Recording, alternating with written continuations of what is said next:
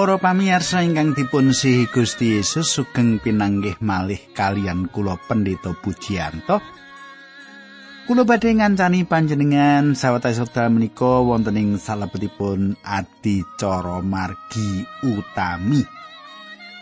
Pangajeng-ajeng kula panjenengan tansah binerkahan dening Gusti lan brayat panjenengan kasinungana ing nugroho lan sukorno.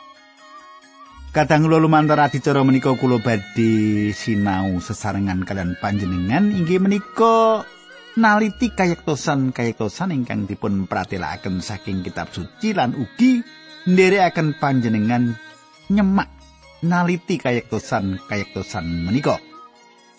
Pengajeng-ajeng kula menapa ingkang kula andharaken menika dados berkah kangge panjenengan lan lumantar adicara menika migunani kangge lampah gesang panjenengan. Sugeng midhangetaken adicara menika.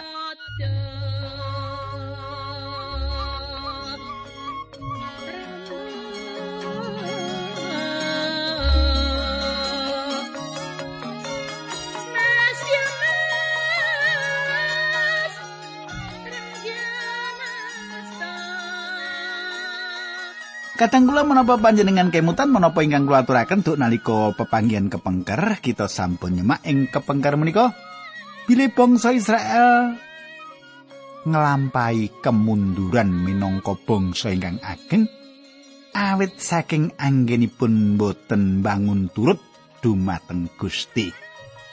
Lajeng kados pundi kerajenganipun kadang kula kita badhe nyemak sesarengan nanging saderengipun kita badhe ndedonga rumiyin. Monggo kita tumungkul kita ndedonga. Duh Kanjeng Rama ingkang adhedhampar wonten kraton ing kasuwargan kawula ngaturaken gunging panuwun menawi wekdal menika kawula saged tetunggilan kalian sederek-sederek kawula ingkang setya tuhu midhangetaken adicara menika. Kawula nyuwun Gusti berkahi adicara menika lan sedaya sederek kawula ingkang mirengaken, ingkang nembe mirengaken, ingkang sampun dangu mirengaken supados kabanguna kapiyandelanipun. Dinambaran asmanipun Gusti Yesus Kristus kawula ndedonga haleluya amin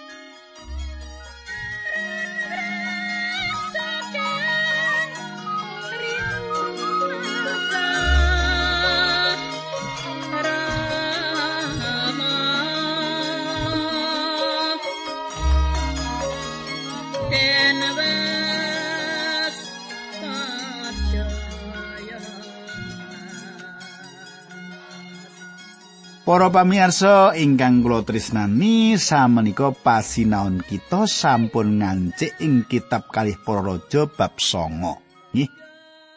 Samenika pasinaon kita sampun ngancik ing kitab kalih para raja bab 9 makaten surasipun ayat tunggal ngantos sekawan. Nalika semono Nabi Elisa nimbali Nabi Sehnom, Didawi mengkene cecawisa lan lunga menyang ramut ing gliyet gendul isi lenga saitun iki gawanen. Lan satekamu ing kono golek ana wong sing jeneng Yehu bin Yusafat putrane Nimsi. Yehu ajaan mlebu kamar dhewean. Lenga iki sokna ing Israel lan munio. Allah ngendika kowe ndak angkat dadi raja ing Israel sawise mengkono inggal-inggal lunga saka kono Nabi no mau banjur budal menyang Ramot. Para pamirsa, Nabi Nem-neman menika nindakaken menapa ingkang dados dawuhipun Elisa. Panjenengan katasaken bilih Elisa mboten wonten satunggalipun perkawis ingkang istimewa ing salebetipun menapa ingkang dipun tindakaken. Panjenengan saged ugi gadah penggali bilih piyambakipun boten badhe ngutus nabi nem-neman kangge njebati tiang ingkang dados raja nanging Elisa badhe nindakaken piyambak. Panjenengan imut Samuel sampun jebati Saul dados raja lan piyambakipun ugi madosi Daud lan jebati Daud dados raja. Panjenengan saged ugi gadah penggali bilih kanthi makaten Elisa kepengin dados tiang ingkang jebati raja nanging wungunipun boten kados makaten. Piyambakipun ngutus Nabi Nem-neman supados njebati Yehu minangka raja lan piyambakipun anggenipun nindakaken menika kanthi sesideman lan secara pribadi. Dados Yehu dipun jebati dados raja. Yehu inggih menika salah setunggal tiyang ingkang tanganipun klepotan getih ingkang panjenengan panggihaken ing kaca-kaca kitab suci lan sinaosa kados makaten piyambakipun nindakaken kersanipun Gusti Allah ing kathah perkawis. Kula lajengaken maos ayat 9 ngantos sedasa. Keluargane bakal ndak gawe kaya nggonku ngukum keluargane Yerubiam bin Nebat lan keluargane Baisa bin Ahia, raja-raja ing Israel. Jisime Isabel bakal ora dikubur nanging bakal dipangan asu ing daerah Israel. Sawise ngucap mengkono nabi mau enggal-enggal lunga. Kadang kula panjenengan katosaken Isabel mboten badhe uwal saking paukumanipun Gusti Allah atas patrapipun ingkang kejem. Ayat 11 kali 11 13. Yehu banjur bali meneh kumpul karo kanca-kancane. Kancane padha takon ana kabar apa kowe ndak kapake karo wong edan mau? Pangsuran Yehu kowe wis ngerti apa karepe wong kuwi? Pangucape kanca-kancane ora aku ora ngerti ayo kandakno. Yehu mangsuli wong mau ngandhakake dawi Gusti Allah kanggo aku yen aku diangkat dening Allah dadi raja ing Israel Senalika iku uga kanca-kancane Yehu padha nyopot jubahe dijareng ing ngarepe Yehu banjur ngunekake serompet karo surak-surak Yehu dadi raja katang kula. Ing wekdal dipun mangertosi bilih Yehu dipun jebati dados raja, tiang enggal-enggal nindakaken menapa ingkang kedah dipun tindakaken. Tiang-tiang menika ngungelaken slompret lan sanjang Yehu raja. Samenika menapa ingkang badhe dumados ing Israel, Yoram ingkang wonten ing Israel mboten mangertos bilih Gusti Allah sampun ngandhapaken saking damparing keprabon lan sampun jebati Yehu minangka raja atas Israel. Para telik sanding nglaporaken bilih wonten rombongan prajurit jaranan ingkang datengi tiang-tiang menika. Ayat kali dosa, sing jaga menara uga nglaporake yen utusan sing kapindho wis kapethuk karo rombongane nanging ora bali. Tembunge ingkang mimpin rombongan menika mesti Yehu. Tandhanipun enggenipun nglampahaken kereta perang idan-idanan. Kateng kula para utusan dipun kintun manggihi Yehu mboten nate wangsa nyukani pelaporan dumateng raja awit Yehu ngrancang mejahi raja menika. Dados Yoram lan Ahasia kisah manggi Yehu. Ayat kali likur bab songo pandangune Yoram marang Yehu, "Apa kowe nggawa kabar becik Yehu?" Atur Yehu, "Oleh becik kepriyen selawasing kini si ana dukun-dukun lan wong-wong padha nyembah brahala mergo saka pertingkai Isabel ibumu kadang kula cetha mboten wonten bawahan ingkang setya ingkang wantun damel satunggalipun pratela ingkang kados mekaten gegayutan ibu Prameswari Yoram lajeng mangertos bilih Yehu sawek mimpin satunggalipun pambalelo Ayat 13 ngantos 24 Yoram banjur ngendika marang Ahasia iki kianat. Kretane diingerake banjur ngeblas lunga. Nanging Yehu ngangkat gendewane Yoram dipanah kena gegere tembus ngenani jantunge, Yoram ambruk lan sedo ing kretani. Kadang kula ing wekdal Yoram budidaya nglolosaken diri, Yehu mentang gendewanipun lan nglepasaken panah menika ngantos nembus jantungipun. Yehu lajeng ndatengi Israel kangge mejahi Yoram. Ahazia kados jeneng kita tingali sawek nuweni Yoram. Piyambakipun memitran kalian keluarga Ahab tiang awon Ahasia wonten ing papan ingkang lepat lan wekdal ingkang lepat. Ayat pitulikur Ahasia pirsa lelakon mau banjur menyang kutha Betagan dioyak dening Yehu Yehu ndawi para prajurite kae uga patenono sisan. Ahasia banjur dikrutuki panah nganti ketaton oleh dalan sing tekaning gur sacedhake kutha Yibliam nanging bisa lolos nuli mlajeng menyang Megido lan sedo ana ing kono. Kadang kula para pandherek Yehu ngoyak lan natoni Ahasia kanthi tatu sing dadi jalaran patini. Ayat 21 ngantos tigang dosa. Layone dijupuk dening para abdine digawa nganggo kereta menyang Yerusalem, Ahasia disarekake ana ing pesarane para raja ing kutane Daud. Ahazia nggone jumeneng raja ing Yehuda nalika Yoram putrane Ahab wis jumeneng raja ing Israel 11 taun. Yehu wis rawuh ing Israel maneh bareng Isabel ngerti banjur dandan rambutnya ditata lan alise dicelak banjur nginguk saka jendela. Kadang kula samenika kita dumugi ing wekdal Isabel kapecahan minangka ibu prameswari saestu gegirisi. Isabel menika tiang setri ingkang tanganipun klepotan rah. Awon lan gegirisi Isabel salah tunggal tiang setri ngedapi-dapi wonten ing salebetipun sejarah. Piyambakipun tiang ingkang terampil gadah pengaruh lan gadah kepribadian ingkang unggul. Mboten wonten tiang ingkang saged lumawan kekajenganipun malah Ahab piyambak ugi mboten saged. Isabel nguwaosi ingkang kakung lan nyepeng pusring peperintahaning kerajaan Sisiler Isabel nepungaken pangibadah dumateng Baal. Isabel menika tiang ingkang mboten gadah tanggal jawab tegelan lan rakus. Isabel mejahi nabi-nabi Allah. Mboten wonten setunggal tiang kemawon ingkang wantun lumawan kajawi namung Elia. Sawetawis dangu kados-kados Gusti Allah singitan lan boten nindakaken menapa-menapa. Isabel ngerancang pejahipun nabot kanthi mekaten Ahab saged nguwaosi kebun angguripun. Kesabaranipun Gusti Allah sampun kelewat wates lan tundhonipun panjenenganipun ngutus Elia supados meratelaken paukuman saking panjenenganipun. Esebel badhe dawaing siti lan segawon segawon badhe nedha layonipun ngantos badanipun boten wutuh malih kados dene layon ingkang sak mesinipun. Kawan ulas taun sampun kepengker wiwit pecahipun Ahab nanging Esebel boten ribah lan malah piyambakipun wantun lumawan Gusti Allah. Pikiranipun bilih pecahipun Ahab menika namung satunggalipun kaleresan kemawon. Piyambakipun nganggep bilih piyambakipun saged nguwalaken badanipun saking dosanipun lan boten wonten setunggal perkawis kemawon ingkang saged dumados ing badanipun. Dilala saking sisi ler wonten kereta ingkang dipun gelak banter sanget. Tiang menika inggih menika Yehu ingkang gelak jaranipun banter. Piyambakipun nembe kemawon mejahi raja Yehuda lan raja Israel lare Isabel, Yuram.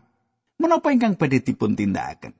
Ayat tigang dosa setunggal ngantos tigang dosa tiga nalika Yehu mlebet ing gapuraning kedaton dibengoki dening Isabel he Simri sing mateni bendarani kowe mrene arep apa? Yehu banjur minger ndangak mirsane ing jendela karo ngendika sapa sing gelem dadi balaku? Ana abdine kedaton wong loro telu padha nginguk saka jendela. Dawe Yehu marang wong-wong mau wong kuwi jorok saka jendela. Isabel nuli dijorokake saka jendela mula tiba ing lemah getih muncrat nyiprati tembok lan jaran sing ana ing sajdah kono layone Isabel mau banjur digiles nganggo kereta perangi Yehu. Kadang kula ingkang kula tresnani Yehu mboten kadudut manahipun lan mboten kapengaruh menapa ingkang dipun sanjangaken Isabel.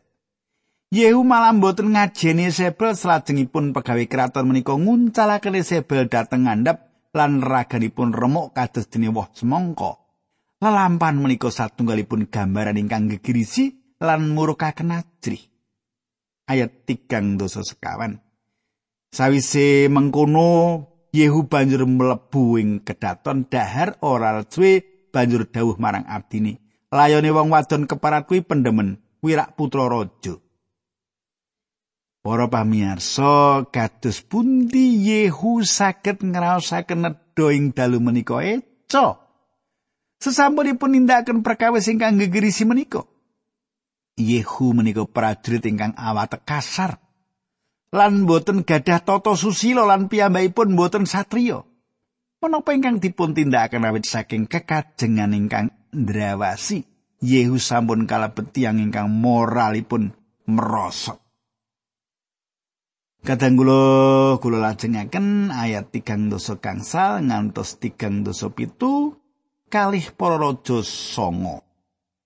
Nanging bareng wong-wong padha arep ngukup layone sing ana kari cumplung balung-balunge lengen lan sikile. Mireng laporane wong-wong mau Yehu ngendika mengkene saiki kelakon apa sing dingendikake dening Allah. Lantaran Nabi Elia abdine yen layone Isabel bakal dipangan asu ana ing daerah Israel. Layone bakal kecer saanggon-nggon kaya kotoran kewan nganti ora ana wong sing bisa ngarani apa kuwi Esebel. Para pamirsa. Ing wekdal Yehu ngengken para pelados nguburake layone Isabel. Segawon-segawon sampun nedha layon menika. Segawon-segawon angsal tetedan ingkang ecok. Pejahipun sepel ingkang ngegirisi meratelaken kayektosan Galatia 6 ayat 7 cobi panjenengan semak. Aja ngapusi awakmu dhewe Gusti Allah ora kena digawe geguyon saben wong bakal ngunduh apa sing disebar. Panjenengan kados pundi kadang kula? Nggih, ngati-ati, nggih. Saben tumindak kita menika nek luput ora lek diakoni ana paukuman ingkang kedah kita tampi. Aja kaya Isabel nggih tegelen ora wedi karo Gusti Allah nggih. Awit saking menika Paulus nyerat wonten Galatia 6 menika saged dados pemut kita ora sah ngapusi awake dhewe. Gusti Allah ora kena digawe geguyon saben wong bakal ngunduh apa sing wis disebar. Nek sing disebar becik ngunduhi ya becik nggih. Nah, samenika kita lumebet ing kitab kali Raja bab sedoso nggih, ayat 1. Kula waosaken ngantos ayat 3 nggih. Raja Ahab kagungan putra kakung pitung puluh ing kutha Samaria, mulane Yehu kirim layang marang para waline putra-putrane Ahab lan marang para panggede sarta para pangarepe masyarakat ing kutha kono surasane mengkini. Putra-putrane kakung Ahab kuwi rak kowe sing ngopeni, kowe padha duwe kereta perang, jaran, gegaman lan kutha-kutha sing diubengi peteng satampane layang iki. Enggal-enggal padha milio saka ing antarane putra-putrane Ahab sing apik dhewe angkatan dadi raja banjur perang lan bilanen. Para pamirsa Yehu nyukani hak istimewa dumateng lari-larinipun Ahab supados budidaya nglenggahi damparing keprabon Israel.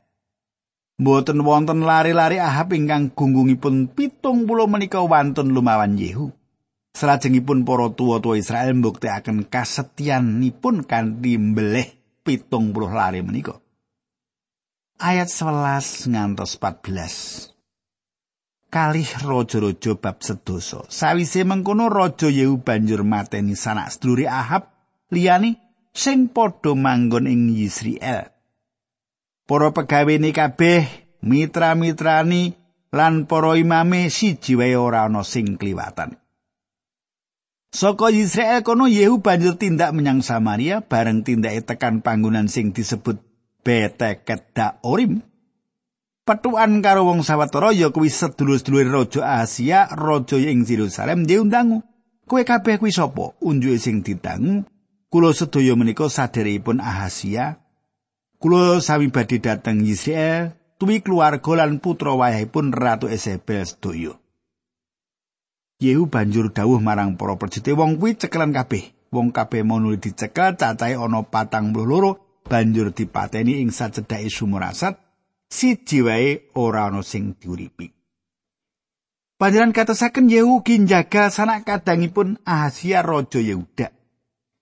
Nanging ingkang perlu dipun gatosaken inggih menika satunggaling antawisipun wonten ingkang boten dipun percaya lan tiyang menika inggih menika salah setunggal tedak turunipun Saul. Ayat gang 11. Yehu banjur nerusake tindake. Ana ing dalan Yehu kepethuk karo Yonadab bin Rehab, raja Yehu nuli ngaru-arui ngendikane. Kowe rak setya karo aku, kaya nggonku setya karo kowe. Aku rewang ana. Aturi Yonadab inggih kula setya. Pangandikane Raja Yehu, yen mengkono ayo salaman. Banjur padha salaman lan Raja Yehu ngrewangi Yonadab munggah ing kretane. Para pamirsa, Yehu tasih wonten ing margi tumuju Samaria lan kepanggih kalian Yonadab yang Rehab. Yonadab inggih menika ingkang ngedekaken aliran Rehab ingkang dipun sebataken dening Yeremia. Piyambakipun menika tiyang ingkang gadah daya pengaruh. Cetha, piyambakipun nyaruji kawicaksananipun Yehu kangge ngejur tedak turunipun Ahab. Samenika ayat 18 ngantos 19. Raja Yehu dawuh, nglumpukake wong Samaria kabeh banjur dingendikani mengkini. Raja Ahab nggone ngabdi marang Baal kurang giat, aku luwih giat ketimbang karo Ahab. Mulane nabi-nabine Baal klumpukno kabeh lan kabeh wong sing padha nyembah Baal serta para imami kabeh aja ana siji sing kliwatan. Aku arep saus kurban marang Baal. Sapa sing ora melu nyembah Baal dipateni, nanging pangandikane Raja Yehu mau mung siasat kanggo mateni sakae wong sing nyembah Baal. Para pamirsa, Yehu nglempakaken sedaya nabi Baal lan meratelaken bilih piyambakipun badhe misungsungaken satunggalipun kurban ageng dumateng Baal. Nanging sejatosipun Yehu mboten gadah kekajengan manembah Baal. Ing wekdal sedaya nabi Baal sampun nglempak. Piyambakipun nyembelih nabi-nabi Baal menika. Korban dumateng Baal namung satunggalipun cara kangge nyepeng nabi-nabi menika. Yehu nyembelih nabi-nabi Baal nanging piyambakipun mboten ngalihaken kawigatosanipun dumateng nabi-nabi Gusti Allah. Ayat 29 mung wae Sang Prabu Yehu ora nepi dosa-dosane Sang Prabu Yerobeam bin Nebat kang jalari wong Israel ya banjur padha nglakoni dosa yaiku dosa ndedewa pedhet emas kang ana ing Betel lan ing Dan. Kadang kula Yehu wangsul ngibadah dumateng pedhet emas ingkang dipun bangun Yerobeam. Piyambakipun boten manembah Baal ugi boten manembah dewa-dewa tiang Sidon nanging piyambakipun tasih ngibadah dumateng pedhet emas ingkang asalipun saking Mesir. Yehu mboten bertobat dumateng Gusti nanging awet piyambakipun iwut kangge Gusti. Pramila Gusti Allah paring pituwas inggih menika manjangaken anggenipun nyepeng pemerintahan keluarga Yehu ngantos dumugi turun kaping sekawan. Ayat ikan doso. Pangeran Yehu nuli ngendika marang Sang Prabu Yehu ing sarehning sira wis nglakoni penggawe becik. Yaiku nindakake apa kang bener ana ing ngarsane paningal ingsun lan wis nandukake marang keluargane Ahab trep karo kang kakarsake ing penggal ingsun mulane anak-anak ira bakal nglunggui damparing Israel nganti patang turunan kadang kula sinaosa Yehu menika tiyang ingkang awur-awuran Gusti Allah damel ipati-pating manungsa dados pujian kangge panjenenganipun ayat tigang dosa kali nalika semono daerah Israel diciyotake dening pangeran Hasae raja sirah ngrebut daerah Israel kabeh. Para pamirsa, menapa ingkang dumados sing mriki kerajaan sisih ler sampun cemawis lumebet ing pangawulan Wiwit wekdal menika badhe dumados kemunduran ingkang tundhonipun badhe katutup kanthi bencana. Tiang-tiang Israel badhe dipun beto dhateng tanah pangawulan dening tiang Asur, pasal menika dipun pungkasi tilar donyanipun Yehu. Nah katang kula menapa maling kang badhe dipun pratelakaken kalih raja-raja menika kita badhe nyemak ayat-ayat salajengipun nanging boten menika tentunipun nggih sanes wekdal dinten candhaipun badhe sesarengan kita sinau.